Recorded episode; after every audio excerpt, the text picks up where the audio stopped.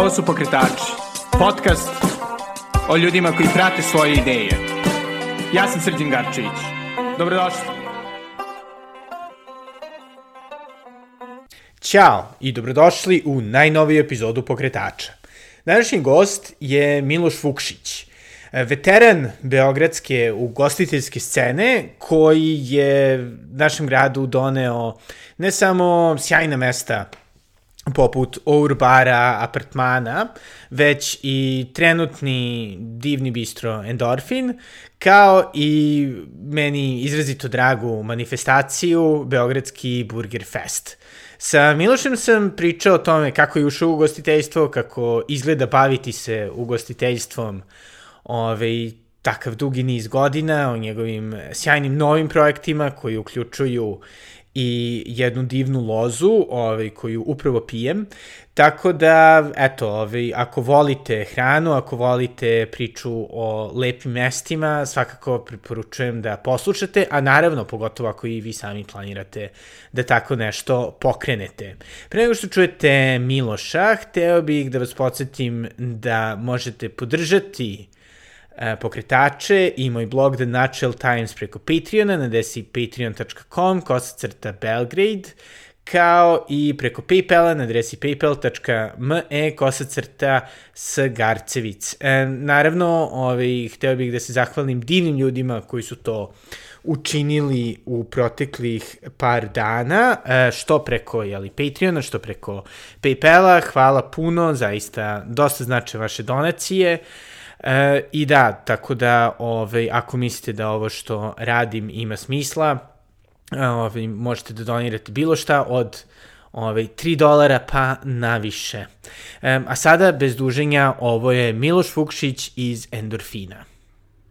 Ovaj, ovaj intervju je već dugo vremena bio planiran, zahvaljujući da li drugom ili trećem gostu pokretača Borisavu. Hvala Borisave. Hvala S nama Boki. si ovaj, Hvala Boka.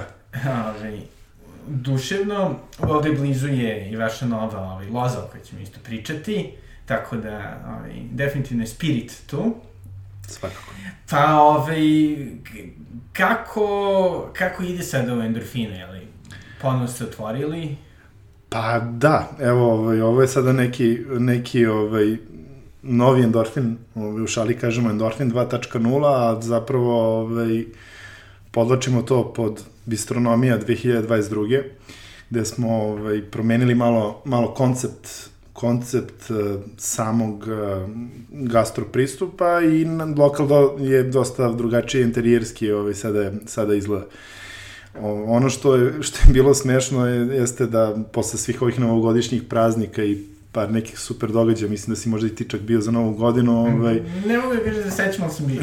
da, ovaj, mi smo odlučili da zatvorimo, da zatvorimo i da renoviramo lokal za 20 dana, što su nam naravno svi prognozirali 3 meseca. I svako je pitanje bilo, pa zašto sad zatvarate, šta, kao sve super ide, ali ne, ne, mi smo ono, želeli neki novi početak posle ovog pakla u poslednjih dve godine, evo sad će uskoro pune ovaj, za koji dan korone, tako da ispalo je super, ovaj, treba stvarno svi da, da, da dođu i da, da se uvere i mislim da, da, da sigurno neće zažaliti. Da, i nekako čini mi se da, ajde sad da vas ono, ne hvalim previše, ali, ovaj, čini mi se da nekako ono, jeli, na celom tržištu, ne samo lokalnom, nego i globalnom, koji se neko trudi što više da stvari čini uniformnim, da ono može, ne znam, da isto izgleda restoran i u Beogradu, u Bejrutu, nemam pojma, Braziliji, ovaj, da se bi baš potrudili sa jeli, sjajnom umetnošću, sjajnim interijerom, da zapravo ne izgleda kao svaki drugi lokal. Pa, da, ovaj, mislim, eto, to je veliki doprinos dao ovaj, naš, naš kreativni, kreativni tim, ovaj, tako, između ostalog, m, m, najpo, jedan od, da, da kažemo, ovaj, najpoznatijih e, modernih umetnika Vuk Ćuk, koji je ovaj, moj, inače, moja familija, tako da mi je on tu pomogao i sa nekim svojim idejama i uopšte da celim tim, celim tim timom koji nije bio baš mali, napravimo stvarno nešto da ćemo se pre svega mi prijatno osjećati.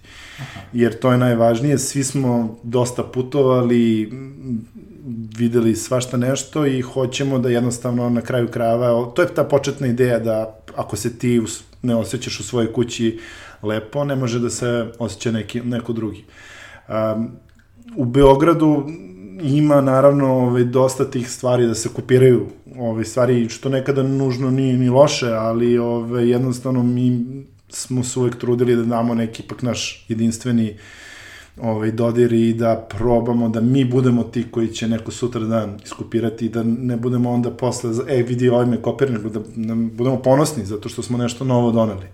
Tako da, ovaj, stvarno smo ponosni, ovaj, pre svega kako smo to brzo uradili tu odem ovaj, sebi producentski kredit, a ovaj, na kraju kako je to sve ispalo zahvaljujući ovaj, našim prijateljima, arhitektima, Vuku, Katarini, Joli, Branki i ove, još nekim ostalima, da su, su sve pomogli da to tako izgleda kao što izgleda sada, a svi nam kažu da je zaista posebno. Da, i, i eto isto, ovaj, sam si jeli pomenuo kao bistronomija 2, ovaj, šta je tačno, da kažemo, i filozofija? Pa filozofija je da, mislim, sad ono, najlekše otići na Wikipediju i pogledati šta je bistronomija ovaj, i kako je to nastalo, to je zapravo mi smo to sami osetili kroz svoj rad, a onda smo zapravo pročitali i videli da to stvarno i postoji i da je definisano. To znači pre svega da, da ovaj, kvalitet uh, hrane mora da bude na jednom jako visokom nivou.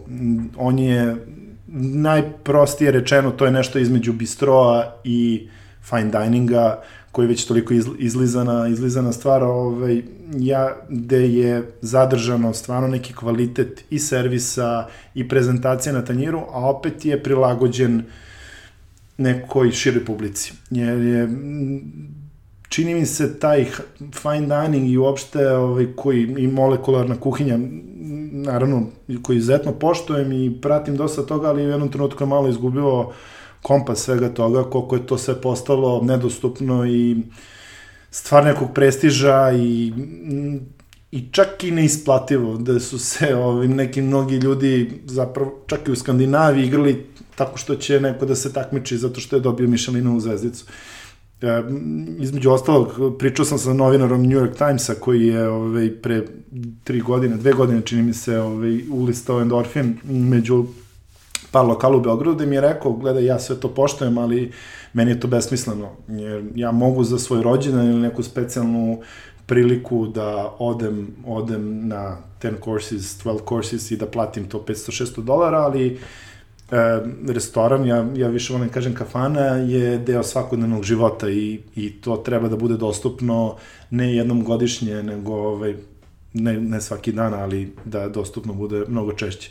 Tako da je to je naš, naš pristup da jednostavno stvarno taj tanjir mora da izgleda perfektno, te namirnice koje biramo Inače, naš, naš ovaj, vrlo, smo, vrlo smo krnuti ka održivom razvoju i to nije sada nikakva, nismo ništa novo izmislili, to je nešto što je već, da ne kažem, ovaj, decenijama prisutno, ali pre svega ovaj, rad što više sa domaćim proizvođačima, sa sobstvenom proizvodnjom, pa samim tim i koji počinje od soseva u, kuh, u kuhinji, do kiselog kupusa koje pravimo, do ajvara koji smo pravili, pravimo između ostalog ove, i sami svoje sirće, pa smo ove, tu možda ćemo i krenuti, možda ćemo i pričati o tome kasnije u neke, neke nove stvari, tako da, da što više stvari uradiš sam, da imaš što manje waste, pa tako ako ti vino propadne, možeš da ga sačuvaš i da ovaj, napraviš od njega ne odmah, ali mesecima kasnije neko vinsko sirće, tako da to je, to je sve nešto, to je sve bistronom, bistronomija. I naravno, opet da je prilagođeno nekoj široj publici, srednjoj klasi koja možda izumire, ali kod nas, ali mi verujemo nekako da ipak postoji. Da, da, pošto nekako to je, da kažem, ono, čudno mesto i zapravo meni vrlo drago mesto koje endorfin nekako okupira, jeli, ono da nije mislim ono fine dining, pretencijozno mesto na koje ćete ono, ne znam, izvesti biznis partnere kad želite da ono, potrošite puno kinte, uh, mislim da ima ovaj, pokažete Beograd, a opet s druge strane mislim, jeli, imate sa druge strane konkurenciju tradicionalnim kafanama i sada dosta super, da kažem, revivala kafana od Suvobora do, ne znam, Grmeča. Naravno, naravno. Kako ste se baš odlučili da je to kao Pa, mesto? Mislim, prvo, endorfin je, evo, sada već ulazi skoro u petu godinu, tako da dosta smo i mi evoluirali i tražili sebe, ovaj, sve ove godine, nevezano za koronu, koja je, a igrom slučaja smo u toj nekoj pred koronu smo po, uvatili neki svoj put koji je onda, onda stao. A, mislim da pre svega smo kroz rad sa, sa ovaj, nekim sjajnim ljudima došli do ovoga. O, ja nisam, nisam po obrazovanju, da kažemo, šef ili ugostitelj, ali sam evo, skoro punoletstvo celo ovaj, ugostiteljstvu sa nekim pauzama. Tako da od početka smo imali sjajne, sjajne šefove i svoje, svoje vremeno je bio tu Max na početku, pa i Vanja Puškar sa kojim smo jedno vreme sarađivali i mnogi drugi da bismo mi na kraju eto došli sada ovaj, na, na taj deo gde smo izbacili opet nešto novo. Sadašnji šef Uro Živković i ja smo došli na ideju da, da zapravo podelimo endorfin na dva dela, gde će u gornjem delu biti ta bistronomija, koja podrazumeva glavna, klas, neka klasična glavna jela sa jako suženom kartom, jer kvalitet leži u po meni u manjem broju jela, a ne u širokom, jer ne možete onda da, da ispoštujete kvalitet namirnica i gde će uvek biti u ponudi tasting menu koji je šef izabrao. Naravno, s taj tasting menu ide i uh, selekcija prirodnih vina, koju mi, koja je dominantna možda i preko 80% vinske karte su prirodna vina iz regiona, naša vinska karta podrazumeva vina iz regiona, opet se vraćamo na tu lokalnu priču održavog razvoja da mislimo da je lokalno, lokalno treba razmišljati. A u donjem delu smo nas, e, napravili nešto, što, mislim, baš onako novo u Beogradu, što smo nazvali small bites. Neki ljudi kažu tapasi, ali to nisu tapasi. Ove, to su jela koja bi mogla da se prezentuju u fine diningu, ali na malom, malom tanjiru, u malom zalegu. Tako da mi sad u donjem... I sa odgovarajućim cijenama. Da, da, naravno. Hvala Bogu. naravno, naravno.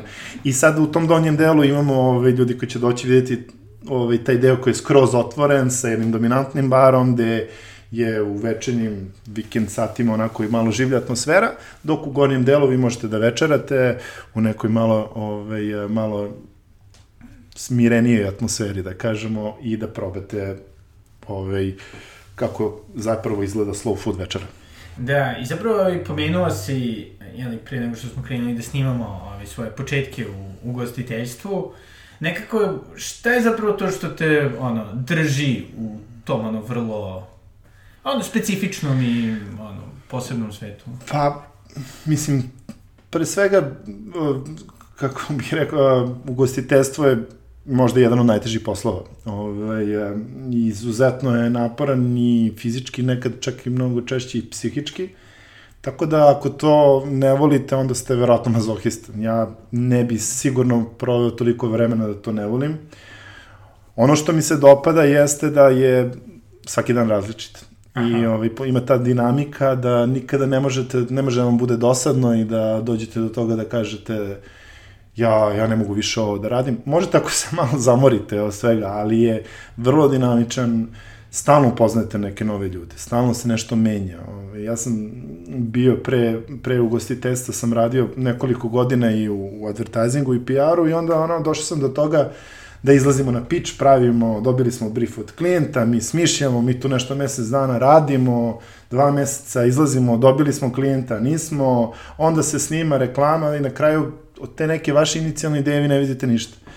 A ovde mi smislimo nešto i onda gledamo već sledeći dan ili koliko već treba da se nešto uh, napravi, kako ljudi reaguju na to. I imate plod, kao da ste zanatlija, imate plod ovaj, ispred sebe i kako ljudi ga vole ili ne vole. Tako da to, je ne, to su neke stvari koje ovaj, su čarobne. Mm, da, i kada je zapravo ono, bio taj trenutak kad si odlučio da se skroz ubaciš u ugostiteljstvo? Postojao kao neki Pa vrlo, vrlo rano smo, vrlo, vrlo rano sam imao dodira sa ugostiteljstvom, gde sam sa svojim najboljim društvom iz mlađih dana prvo počeo da radim neke čuvene žurke u Kuba Libreu, pa je se to posle ovaj, prebacilo na klub Apartman kad je otvoren i tu većina tih vlasnika mogu da kažem da su napravili sjajne karijere u gostiteljstvu kasnije. Um, ali to je bilo usputno, to je bilo za vreme mog studiranja. Prvi put kada ozbiljno ulazim u gostiteljstvo je 2009. godina kada smo otvorili Our Bar na Tašmajdanu, što je, čini mi se, u to vreme isto bio jedan korak, veliki korak napred za ugostiteljstvo u Beogradu, to je bio Late Night, late night cocktail bar koji je između ostalog imao kuhinju koja je bila otvorena vikendom do 4 ujutru. Uh, prvi smo tada uveli burger i donali ga u Beograd. Do tada je nekako burger bio ono, nešto što su pominjali u sport kafeu, Air Max burger i ostalo, a ovo je bio prvi burger. I naravno McDonald's. Da, da, da, naravno McDonald's, ali ovaj, sa svojih 35 grama, ali ovo je bio prvi ono, 100% juneći burger i slajderi koji su tad bili na meniju, tako da tada prvi put zapravo ulazim u gostiteljstvo i evo, ostao sam dan danas, naravno ugostiteljstvo vam daje mogućnosti da se linearno širite, ako vas to zanima, tako da vam otvara, otvara ovaj, dosta nekih novih stvari non stop.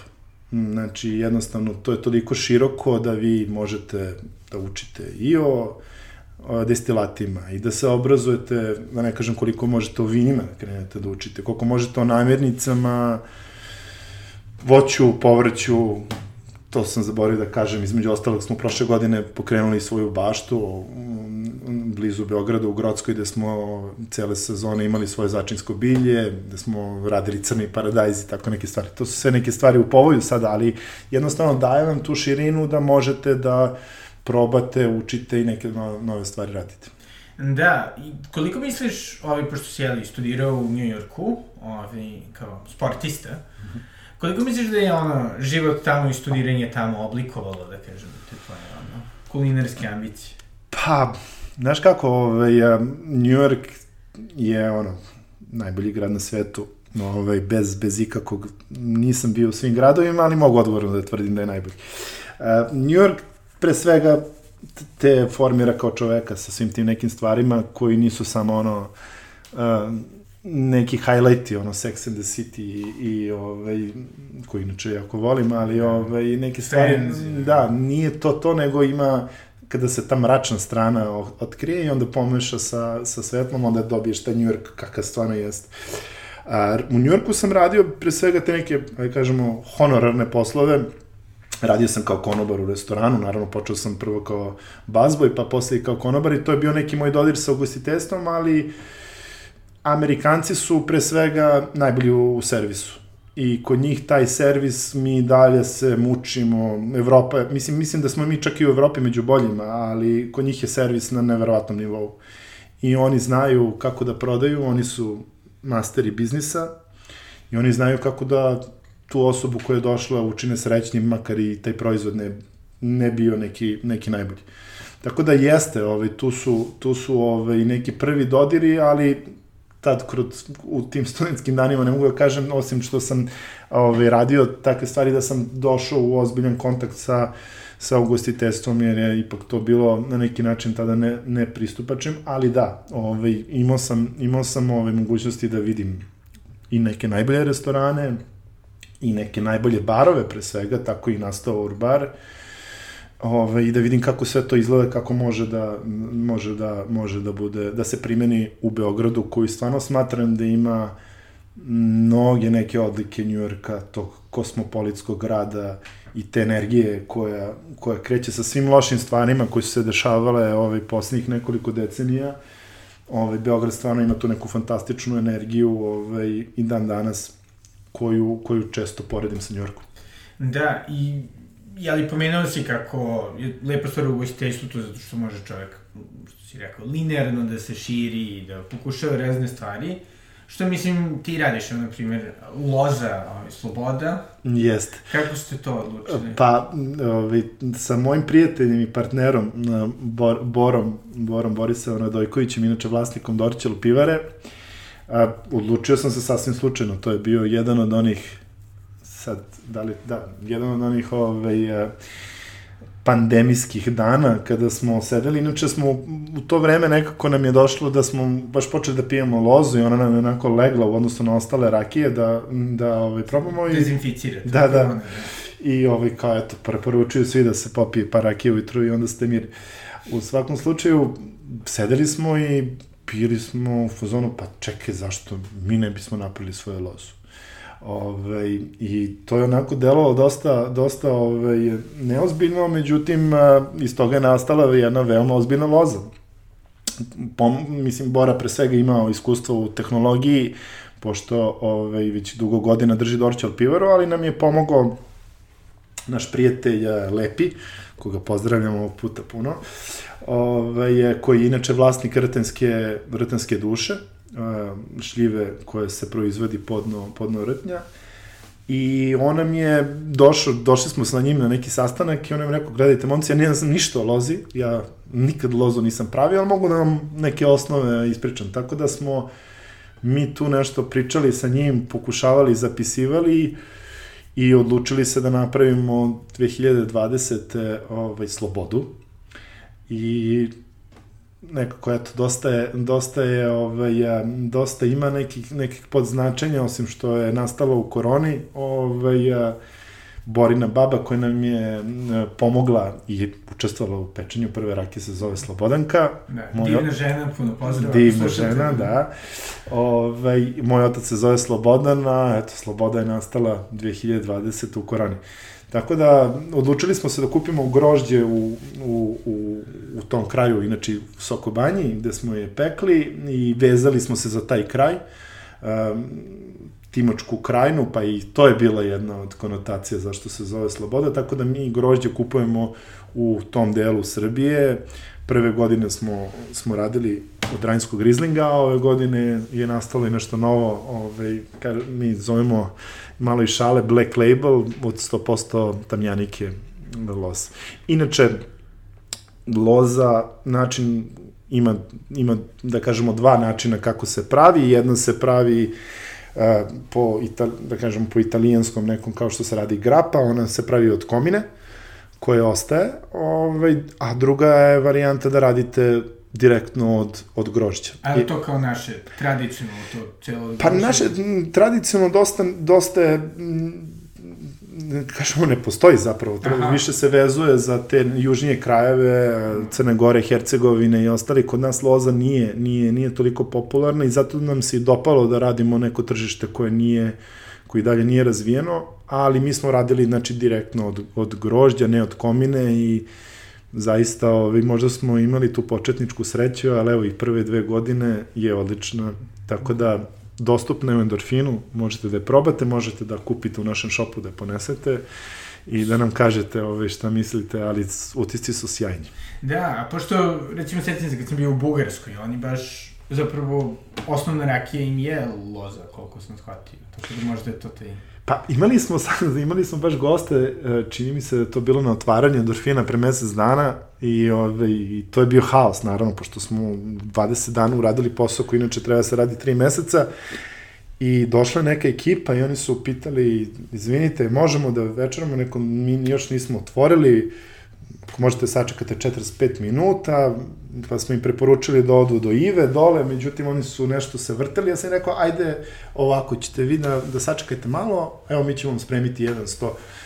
I onda smo im iznali ovaj, kao welcome drink lozu i, i dali im i posle sam ih ja obišao baš da ih pitam i oni su rekli, baš je bio komentar koji je bio zanimljiv, kaže, uh, ovo je loza mi ovo imamo u Bugarskoj, znamo, ali ovako dobro mi nikada nismo pili. I ovaj, stvarno neki iskren komentar čak i kasnije posla ostavila i review, ovaj, pa nam je bilo onako. Kad se dese takve stvari, onda onako ti je drago što se baviš tim poslom. Obično se često imaš mnogo nekih negativnih komentara i onda da. ovaj, kad ti dođe tako iskreni ljudi koji vidiš da si im onako baš ugodio, osjećaš se, osjećaš se dobro što se baviš ovim poslom. Da, i pošto sam ja ovaj baš na ovaj svom e, povremenom podcastu Cyber Beosvet, koji je više sprednije nego što je zapravo podcast, ovaj se baš bavio problemom, jeli, reviewova, raznih ratova oko toga. Kako je nositi se sa tim? Pa, mislim, e, ja sam, na primjer, pre... Od, Pogotovo kao neko koji radi Da. PR-u i sve, da. od TripAdvisora mislim da sam odustao ovaj, pre nekoliko godina. Pogotovo, mislim da je tu čak bio ono odlučujući kad sam pogledao onaj čuveni film kako je, ako se sećaš, kako je ovaj lokal u Londonu koji nije A, postojao... da, da, do... Viceov, da, da. I jeste, film. kako je došao, kako je došao na, na listu najboljih restorana. I čak smo tu imali neke, neko na, nam je, ne znam, zvao nas je da smo, ne znam, šta lažirali, pa su nas zvali i onda smo od toga odustali. Kod TripAdvisor. Da, da, da, to, Oje. tako da smo tu odustali. Čini mi se da je Google nekako ipak najreprezentativniji. Um, ja sam često bio onako, ja, zašto smo dobili četvorku i onda mi dođu neki prijatelji iz inostranstva kažu, pa čekaj, ti imaš ono 4-5, kao si lud, kao to je super. Google je nekako sada tu najreprezentativniji jer je jako širok, svima je dostupan, ne moraš da si, ne znam, otvorio account kao što je ranije bilo za, za ovo. Tako da, nekako to dolazi, ne možeš, čini mi se da ne možeš ti tu, možeš da, da, da prevariš.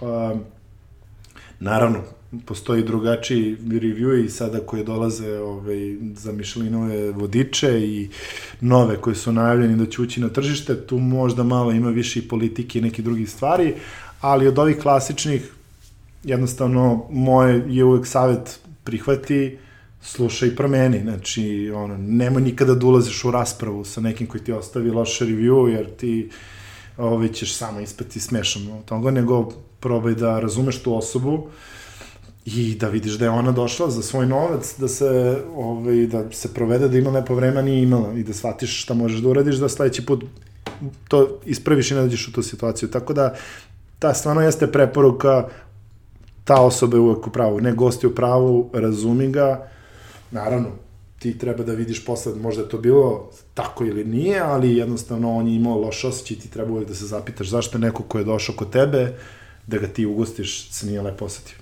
Pa da, da. Pošto ove, jeli, ume da bude prilično smešno i zanimljivo, ove, kada, kada se dešavaju ti bifovi ove, između vlasnika i, i reviewera. Da. Ma ne, to je, mislim, eto, to, to su jedne od ono klas, od ono prvih stvari koje učiš u PR-u, ono, ne, ne, nikako, ne, ne, pre, nemoj da, da bacaš svetlo na takve stvari, znači, te stvari se u tišini, onako, ovaj, zatvore i pustiš da to prođe, da ne kažem neopaženo, a ne da ti sada ulaziš kao, ono, što ljudi često, čak i neke kompanije, nije mi jasno kako ono, u nekim komentarima kreću u raspravu sa ljudima da objasne što nije u pravu i ti zapravo daješ publicitet svom negativnom publicitetu, što je onako. Da. No, no. Loša strategija. Da, da. Ove, ali isto čini mi se da ono dosta su društveni mediji promenili ugostiteljstvo u smislu od uopšte toga kako hrana izgleda, jel, ide da bude Instagramabilna, da su Jest. ono, da plating mora da bude finiji, a ne... Nažalost, ova i srpska hrana čini mi se da, da pati od činjenice da dosta toga jeste zapravo onako brownkasto, nepreterano, formirano, i to je. Koliko se brinete, da kažemo, tim? Pa imali smo, imali smo, ne, ne, neću da, ovaj, iskreno, imali smo dosta ovaj, u, ovom, u ovom periodu kada smo pripremali se da, da ovaj, otvorimo rendo, endorfin posle renoviranja, imali smo dosta takvih nekih razgovora kako to treba da, da izgleda posle na, na Instagramu, koji je ugao, koji je stavljanje. Bitno je, bitno je svakako, ali opet ja gledam na to da ima, imaš neke restorane koje postoje po 50-60 godina i nikada nisu imali Instagram i rade savršeno. Jer imaju ono što je ovaj, potrebno, da kažemo, potrošaču, to je savršen proizvod. Nikada nisam video da neko ima savršen proizvod, da nije uspio da ga plasira. E sad, naravno, Instagram i razni, razni social, social media tools ti pomažu da ti neke svoje nedostatke ispraviš i da se bolje plasiraš, ali ovaj, ne može on od lošeg proizvoda teško ćeš napraviti dobro. Treba naravno koristiti svakako treba koristiti, pogotovo zato što je tako lako sada dostupna, dostupna raznorazne besplatni tulovi ovaj, kojim ti možeš da dođeš do nekoga, da ga informišeš. Opet, moje iskustvo je da ti možeš da dođeš do nekoga i da on vidi, a taj moment da će on doći zbog toga kod tebe je jako mali u nekom širom broju ljudi. Tako da to je možda neka stvar avernesa, a ne nečega što ti dovodiš ljude u lokal. I, i ti kada dovedeš čoveka u lokal i kada se on oseti lepo i kada on izađe srećno i zadovoljno, to ne može da se meri sa bilo kojom ovaj, social media kampanjom koju si ti radio. Mislim, konkretno za ugostiteljstvo, ima naravno nekih drugih, drugih ovaj, biznisa koji, koji nije Da, važno, toga, a, da. ali ugostiteljstvo je nešto što i dan danas najviše, najviše ide od usta do usta i preporuka ovaj, je mnogo, mnogo bitnija nego, nego neki dobar post na Instagramu. I ono po čemu isto endorfin čini mi se dosta jedinstven u Beogradu, to je zašto se baš trudi da kultiviše i ekipu oko sebe i scenu. Imali ste ranije pairing endorphins, ili tako? Jest, jest. Jednom mesečno. Jeste, pa čak smo, da, nekoliko godina smo to radili sredom i ovaj, bilo je i, i nekada i više puta u toku meseca. Nama je tad bila ideja da zapravo približimo taj fine dining um, slow food ljudima koji jednostavno ne mogu da izađu i da potroše, ne znam, 50, 60, 70, 80 eura za ove naše uslove. Tamo u inostranstvu je to je naravno mnogo skuplje. Ovaj, I šta znam, nekada, nekada je to izgledalo kao da ono, guramo, guramo ovaj, kamen uzbrdo, a nekada se dešavalo da, da stvarno imamo, imamo sjajne, sjajne stvari. Ljudi su kod nas, mislim, kod nas, verovatno je tako i slično, dosta su zatvoreni i neke nove stvari jako je, teško, jako je teško ovaj, njima prezentovati.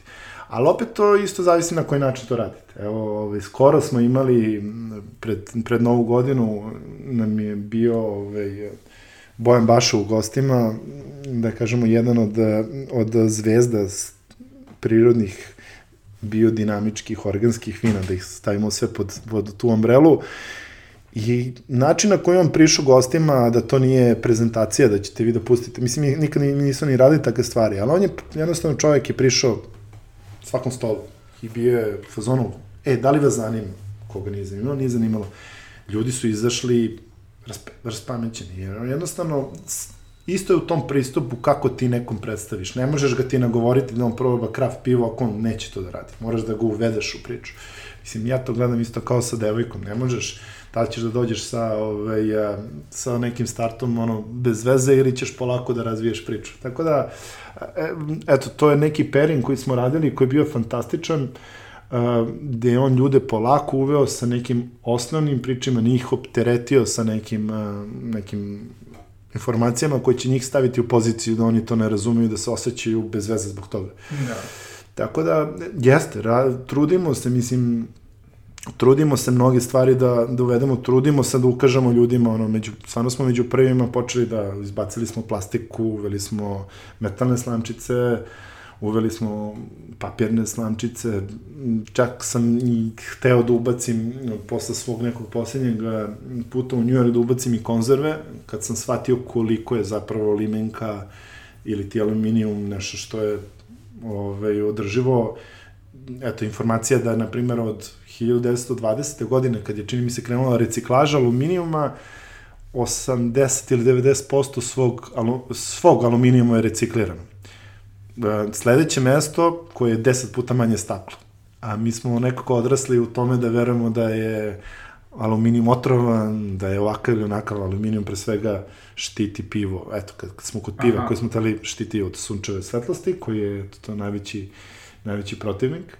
Laganje, tako da u transportu ovaj, mnogo, mnogo štedi i na kraju krajeva može da može da stoji duže. Tako da ovaj neke su te stvari koji se trudimo i koji mi stvarno mislim da su budućnost, iako je ta priča oko državog razvoja već duboko ovaj, otišla, mi malo zaostajemo, ali eto, neke stvari se menjaju. Videli smo šta se sve desilo u posljednjih par meseci, da je čak i na političkoj sceni ovaj, je ekološka priča probudila svest građana, ne, ne, Da. ne sada neke druge stvari koje su možda čak i ozbiljnije. Ma da recimo evo sada, pošto oni imaju nekoga, da smaram u tome, moj veliki problem sa zelenim stvarima je to, ajde da kažemo ono, onaj tipična fora, kao a to je vrlo ono, e, površno ili vrlo sklono, da kažem, manipulaciji za neke druge stvari, ok, kao to, to sa strane, svako može da se greenwashuje, ok, šta god.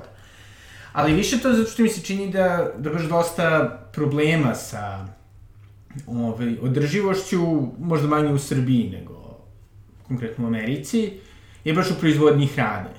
I nekako mi se čini da se na to ne baca dovoljno svetlo. Što, što se tiče, ne znam, ono, velikih farmi, što što se tiče uopšte raznih stvari koji idu u zemlju, evo recimo pričao sam sa ekipom iz Rođak sa sela o tome kako to izgleda, dobro, oni imaju sreće, tu su blizu ovaj, Aranđelovca, divna, ono, ono šumadijski pejzaž, ali nekako, kako misliš da bi to moglo da se približi ljudima? Znaš da ne bude samo u fazonu, e, kao ja sam dobra osoba, ne znam, uzeo sam ono, papirnu stvančicu. I... Pa, ja pre svega mislim da je kod nas i još uvek ipak, ne znam, ne, nisam, ne mogu da kažem da pričam dovoljno detaljno od poljoprivrede, iako sam počeo i, i da ulazim u takve stvari, ali mislim da je kod nas i dalje to dostupno ovaj, i da nije po toj ceni kao što je kao što je u inostranstvu gde se ta organska proizvodnja drastično razvojila po cenu kategoriji od, od industrijske.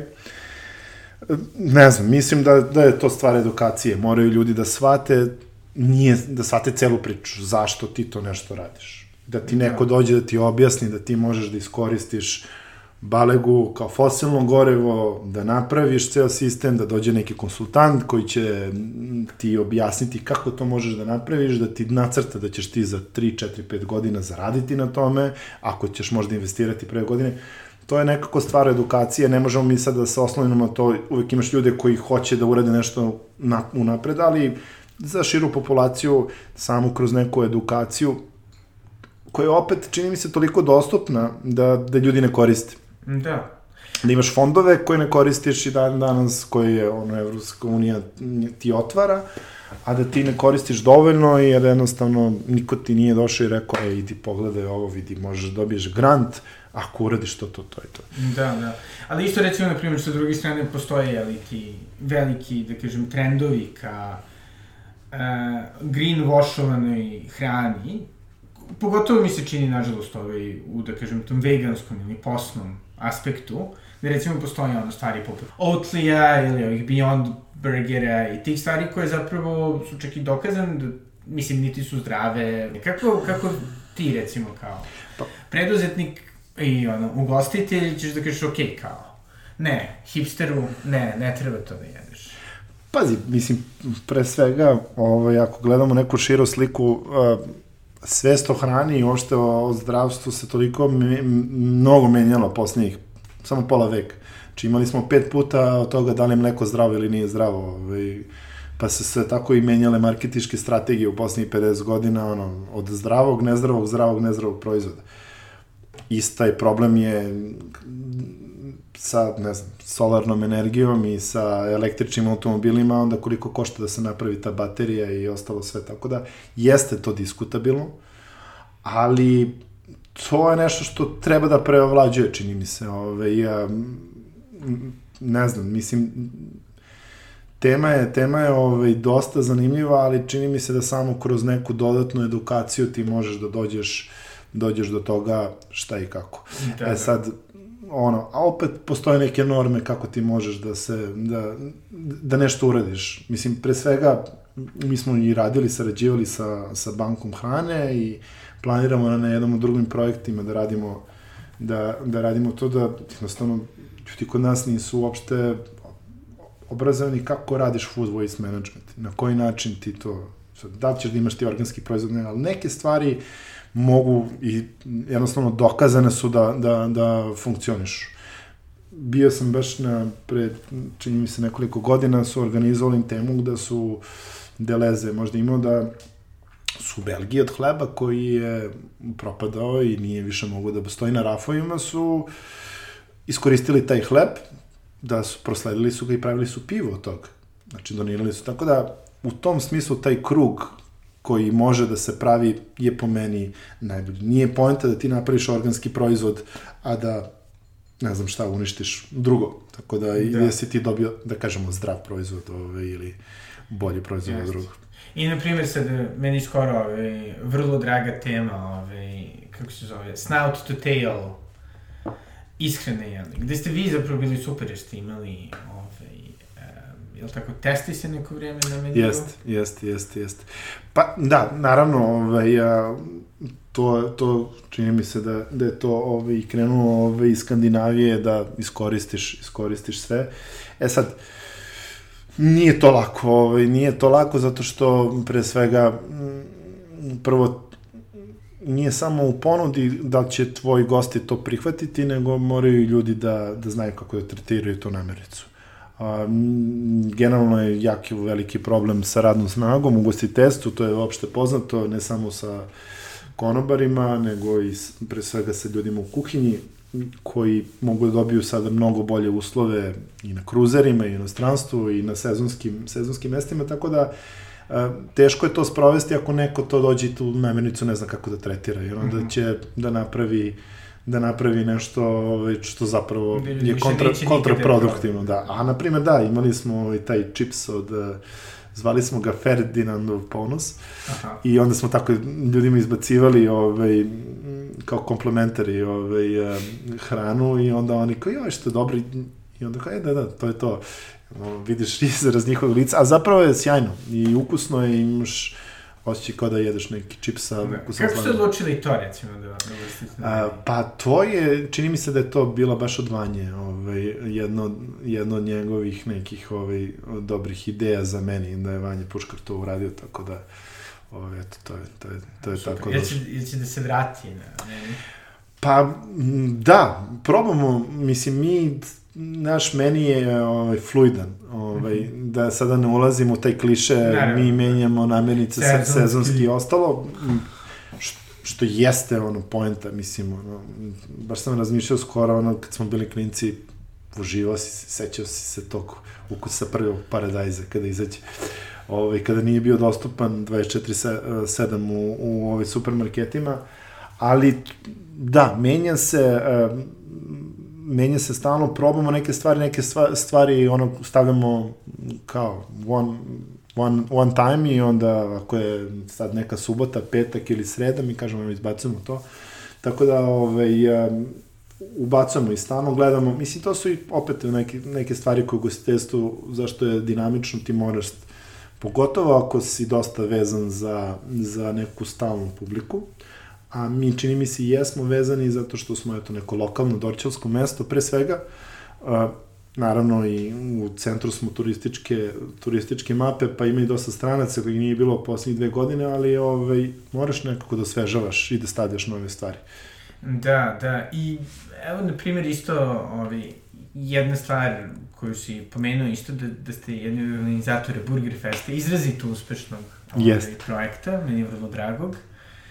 Ovi, kako je to izgledalo? Kako je... A, pa eto, to je, to je, ovaj, ja, ja kažem, me, ja se zezam, ovaj, mene korona preporodila, ovaj, ja, zato što su neke nove stvari, između ostalog i Tarakija i Burger Festival nastalo u njoj. Naravno, bilo je pogudno za ugostiteljstvo, ali slušajući jedan od podcasta sam došao na ideju kao, mislim, je moguće da mi u Beogradu nemamo Burger Festivala.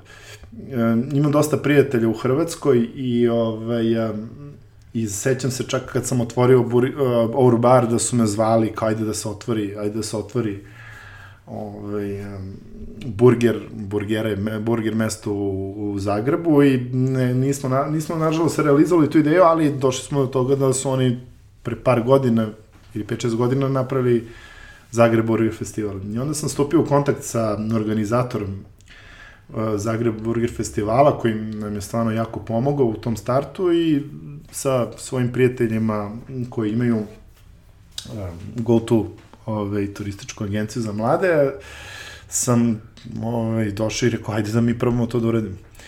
I ovaj, i eto, za par meseci smo mi uspeli ovaj, sve to da skockamo, da dovedemo šefa iz, iz, a, iz, ovaj, a, iz Mississipija, koji je bio tu iz Springfielda gost, koji je od, ovaj, na festivalu i eto, deset dana sjajnih na Kalemegdanu, baš sam ovaj, ponosan na taj projekat. Uskoro stiže novi od 27. maja do 5. juna ovaj, drugi beogradski burger festival i opet, eto, ostaje ipak taj neki moment kada napraviš nešto prvi, možda kažeš, to je bio prvi beogradski burger festival. Raduje me što se ovaj, a, to razvija i da neki novi ovaj, ljudi ulaze u to. Stvarno mislim da je ta konkurencija ovaj, kad je zdrava, stvarno zdrava, ovaj, kad ima smisla, kada ne grizeš jedan drugog dobra, tako da ovaj, super je projekat. Pored toga planiramo i Street Food Festival koji će biti poslednje nedelje augusta, početka, početak juna, isto na Kalemegdanu. To je ta... Augusta, početak septembra. E, da, početak, početak septembra. I ovaj, to je sjajna lokacija gore, ovaj, ko nije bio kod Ribareve fontane i onog muzičkog paviljona, čarobno je mesto na Kalemegdanu. Čak prošle godine kad je, čini mi se, ponovno 7 od 10 dana, bilo 40 stepeni, nama je bilo gore super. Ove, ovaj, tako da, eto, to je, to je dosta zabavno. Planiramo i ove godine da dovedemo ove, dosta nekih gosti iz inostranstva, pogotovo za street food, gde ćemo imati pokriven, da kažemo, taj neki, ja ga zovem onako mediteranski street food sa dosta i nekih middle easta, ovaj, što je zapravo jeste naša neka kuhinja, mislim, ona je, naša kuhinja je mediteranska, čini mi se najviše, jer ona pokriva orientalnu kuhinju, pokriva delove Mediterana, kontinentalni deo Balkana, ali nekako i jeste najbliža, ovaj, iako nismo na, na samom Mediteranu. Da. I kao veteran, da kažem, neki, naše ugostiteljske scene, nekako, kako ti se čini ovaj, trajektoriji kojim ide? Pa, Ove, sad će malo možda bez veze da zvuči, ali čini mi se da je ovaj, ugostiteljska ponuda mnogo bolja nego što je publika. Ove, je, vremenom je stvarno konkurencija postala jako velika ove, i onda je nekako to, to rezultiralo stvarno do dobrom ponudu. Naravno da nama možda fali još neki azijski restoran ili već, ne znam, koji ovaj, novi dolazi, ali gledajući sada 10-15 godina nazad, ogromna je razlika. Ogromna je razlika, a pre svega je mnogo teže ljudima i da rade. Ovaj, nije samo, nije samo nije samo to, eto, ne znam kako je krenulo sa, ja kad sam ušao u gostiteljstvo, praktično nije ni postojao PDV pa onda otvaranje jednog, drugog, trećeg restorana, ogromna je konkurencija, teško je naći radnu, radnu snagu, a sve bliže i bliže smo nekim standardima koje postoje svuda u svetu. Tako da mislim da Beograd ima puno da ponudi, izuzetnu ponudu ima. Žao mi je što u Srbiji fali e, malo više te neke autentične ponude, koja ide u pogrešnom smeru da ne treba ti na Zlatiboru pizza i ćevapi, to treba se vezuje za regione gde se to stvarno jede. Mislim da ti neki, ove, da kažemo, etno, etno ovaj, proizvodi treba više da dominiraju u ovaj, drugim gradovima i delovima Srbije, a Beograd treba kao svaki kosmopolitski grad da ponudi sve. I tu smo negde dosta napredovali, ja nekako stvarno mislim da ta scena je dosta dobra, izuzetno je pristupačna, Ovaj, naravno, možda ne svim ljudima, zato što ovaj, je, eto, takav je, nam je GDP i ostale ovaj, uslovi, ali to se vidi kad se uporedi sa bilo kojim gradom, pa čak i u regionu, a ne u inostranstvu, koliko je šta se sve dobija, sve dobija za, za, ovaj, za te pare kod nas. A kako misliš da bi publika mogla bolje da se edukuje? Misliš da možda mediji... Pa, mislim, eh, treba, naravno, i kroz, i kroz medije. Uh, mislim da smo na, na dobrom putu bili um, sa, sa ovaj, Beograd se super razvijao i kroz posutu, ovaj, da kažemo, stranaca, turista, kao neki city break grad. To je naglo stalo ovaj, za vreme korone i mi smo daleko od toga kako je bilo u 2019 kroz te ljude isto dolazi, oni dolaze i onda oni nekako, mislim da domaća publika će više, više ovaj, um, uz, uz to videti šta treba da se konzumira, način kako se konzumira, opet zavisi dosta od toga kako naši ljudi putuju napolje i on mogu da uporede šta jedu, šta piju, koliko su platili. Tako da to je proces koji dolazi sporo, ali uh, Isto tako mislim da je mnogo treba da se uradi na, na, uh, u saradnji sa, i sa lokalnim samoupravama i sa ovaj, državnim institucijama, da se stvari nekako urede i olakšaju. mislim, svi, ne, svi, mislim, mi ovaj, hvale se kako smo, je Beograd grad za sve, ovaj, ljude da dođu, da imaju super hranu, a onda u pozadini malo stvari su urađene za te ljude koji se time iskreno bave. Ovaj, tako da, sve je to malo... Da. A šta je vam konkretno značilo najviše? Pa, mislim, pre svega, sad, to su, ima tu hiljadu stvari, ali ne znam, ono, mora, mora da ima više sluha. Znači, mi moramo, moraju da, jednostavno, državne institucije moraju da, da shvate, ovaj, sad nevezano za ukosti testo, ja uvek tvrdim, moraju da shvate za koga rade, da oni rade za nas, a ne mi za njih. Mi dajemo njima platu. Mislim, ti kad otvoriš lokal u Beču, tebi se pojavi inspektor četvrti dan i kaže, dobar dan, dobar dan, daj da vidimo šta radite. I onda vam on da listu sve kako treba da se uradi, pa dođe za mesec dana, pa vam kaže, e, ovo treba da, pre, da, da prepravite, pa za tri meseca će tek doći, vam kaže, ali ja sam vam već tri puta rekao.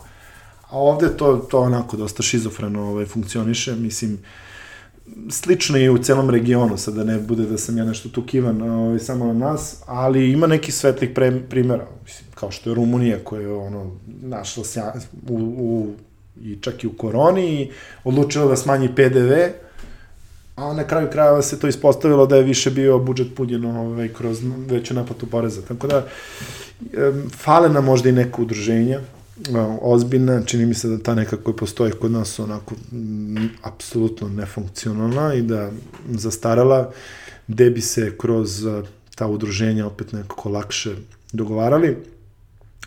Opet moram da vam pomenem da su bile neka udruženja baš za vreme korone koje su to onako vrlo sebično ovaj, ovaj, uradili, iskoristili za sobstveni interes, ali dobro, mislim, to su sada neke stvari koje jednostavno, eto, uh, takve su kakve su, treba će vreme da se promene, ovaj, da. ali ja sam optimista. A da li recimo vidiš uh, i dalje ono, efekte korone, dobro ne samo jeli, na broj ljudi koji dolaze, COVID pasoša, uh, ili ono što E, što nemam pojma, ne dolaze iz straha, koliko, da kažem, nekim načinima na koji ljudi pristupaju izlaženju i pa, mislim, konzumaciji. Eto, nekako, stvarno, mislim da su naši gosti onako vrlo, vrlo, ovaj, vrlo savesno postupali i s neke na, strane mi to je drago, tako da mi nismo zavisili od mera, mi smo zavisili od uh, od, od realne situacije i brojeva.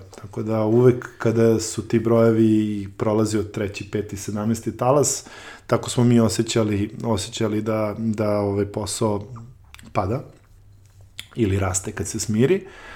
Čini mi se da sad izlazimo, ovaj, definitivno, evo, konačno mogu da, mislim, naravno ja sam kao, ovaj, inače sam optimista, ovaj, više uvek je puna čaša nego što je pola čaše, tako da ja sam već mislio da posle prve tri meseca korone mi sve to prolazimo, ali sada nekako, eto, ovaj, čini mi se da stvarno možemo očekivati od, od marta meseca kada i prođe da kažemo ovaj neki hladnoće i loše vreme možemo očekivati povratak na na ove neke stare staze. Dosta će zavisiti u Beogradu konkretno od posete stranaca, a to je opet vezano za uslove putovanja, koji nisu samo vezani naravno za Beograd, jer je Beograd bio dosta otvoren Ovaj, I to mi je nekako drago, jer su čak i neki ljudi iz Njujorka se preselili, kupili stan u Beogradu zbog cele te situacije. Ali ovaj, zavisi jednostavno i od kako je kad se vrate tamo. Ako će neko da dođe u Beograd na vikend, sigurno neće posle da ide u karantin 7 dana. Tako da, kad se to sve stabilizuje, a nadam se da će se stvarno više rešiti u narednih meseci, eto, ovaj, nas... A recimo, da li misliš da su ljudi malo, ovaj, usno rečeno, da su ih pokvarile ove, službe za dostavu, da nekako malo manje uživaju u tom restoranskom iskustvu? Evo, recimo, kad sam pričao sa ekipom iz Kišobreda, neki da ljudi dosta više kad izlaze, ono, to neko poluagresivna atmosfera, razbijanje, mislim ono, razbijanje od alkohola, ne da. razbijanje pa, stvari. Ja ne znam, ja inače mislim da dostavan i zapravo kad sam poslednji put bio u Njurku 2019. sam ove, ovaj, iskoristio priliku da razgovaram sa puno vlasnika velikih restorana, lanaca, menadžera, restorana, barova i jedna tema je bila dostava i ono što sam dobio tada kao feedback, ona nikada neće moći da zameni tradicionalno, tradicionalno ugostiteljstvo. A, naravno da je to nešto što je konvencionalno i koje može tebi da, da, ovaj, da olakša neke stvari, ali taj odlazak ipak među ljude i taj utisak koji ti imaš ceo ovaj, je drugačije. Sad, da li je pokvarilo? Pa, mislim, svašta je pokvarilo, znaš, i ljudi su ono, bili zatvoreni u četiri zida, nisu mogli da izađu, pa su i porodice pucale, a ne to kako se ponašaju u kafani. Ali, ovaj, um, promenilo neke navike, ono, znaš, ljudi su ono, znaš, ono, kao zezanje, ono, počeli su da peru ruke, pa sad je, ono, da. i manje se razbolišu nekih drugih stvari, i, ovaj, tako da, eto, vidjet ću.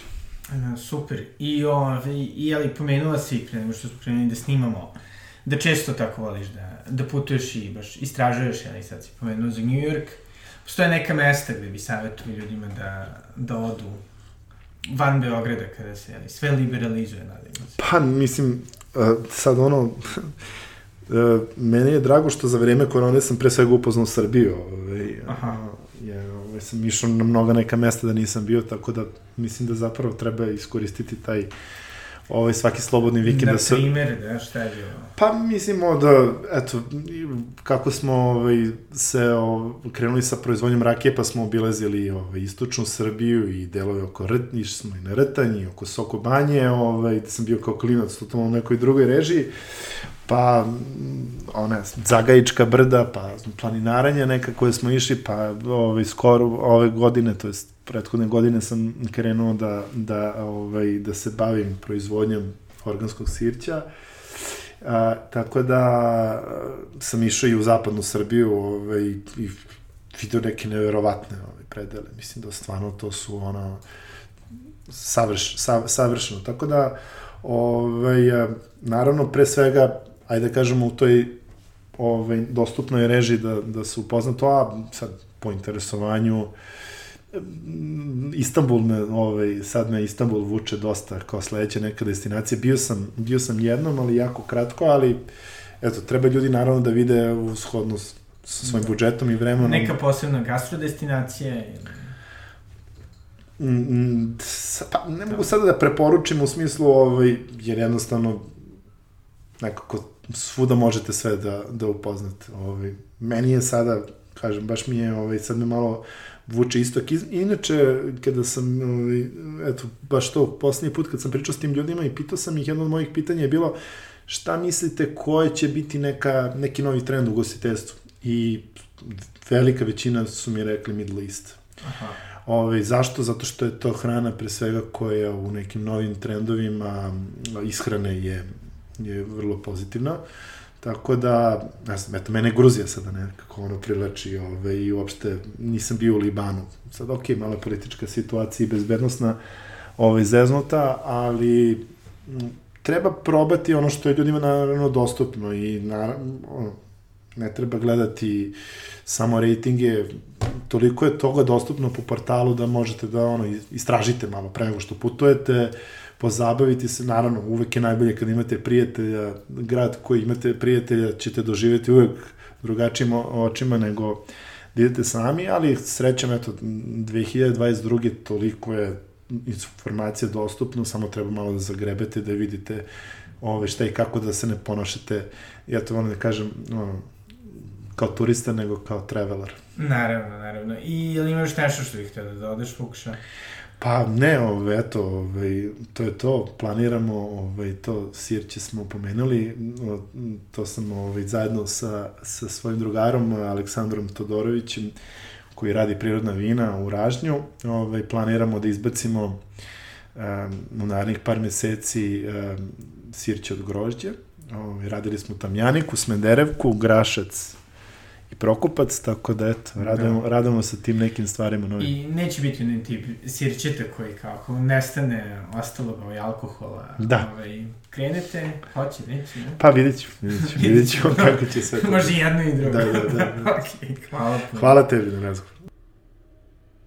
I to je bio Miloš Vukšić. E, nadam se da ste pribeležili datume e, sledećeg burger festivala, kao i street food festivala. Nadam se da ćete isto možda svratiti do endorfina, možda probati slobodu, možda jeli, i njihovo buduće um, ove, vinsko sirće. E, svakako je bilo vrlo zanimljivo pričati sa Milošem, jer je e, zanimljivo čuti jeli, kakve sve ideje postoje, e, na koji način se razvija naša ugostiteljska scena. Nadam se da će biti još dosta novih projekata i uspešnih projekata u kojima će on ovaj, u koji će biti uključen. E, to je to od mene za danas. E, želim da se zahvalim mecena, želim da se zahvalim svim divnim ljudima koji ne samo da podržavaju pokretače lepim rečima, već i super ovaj, sugestijama gostiju. Hvala puno. Bori e, na ovom, da kažem, e, povezivanju e, Miloša i mene. Ako imate neke sugestije, slobodno ovaj, javite, što se tiče, ali, naravno, gostiju i toga kako učiniti pokretače boljim. E, takođe, da, kao što sam pomenuo, postoji ovi moji povremeni podcasti, Beosvet i Cyber Beosvet, e, overite i to ako vam nedostaje zvuk moga glasa. E, I da, to je to za danas, do sledećeg slušanja, doviđenja.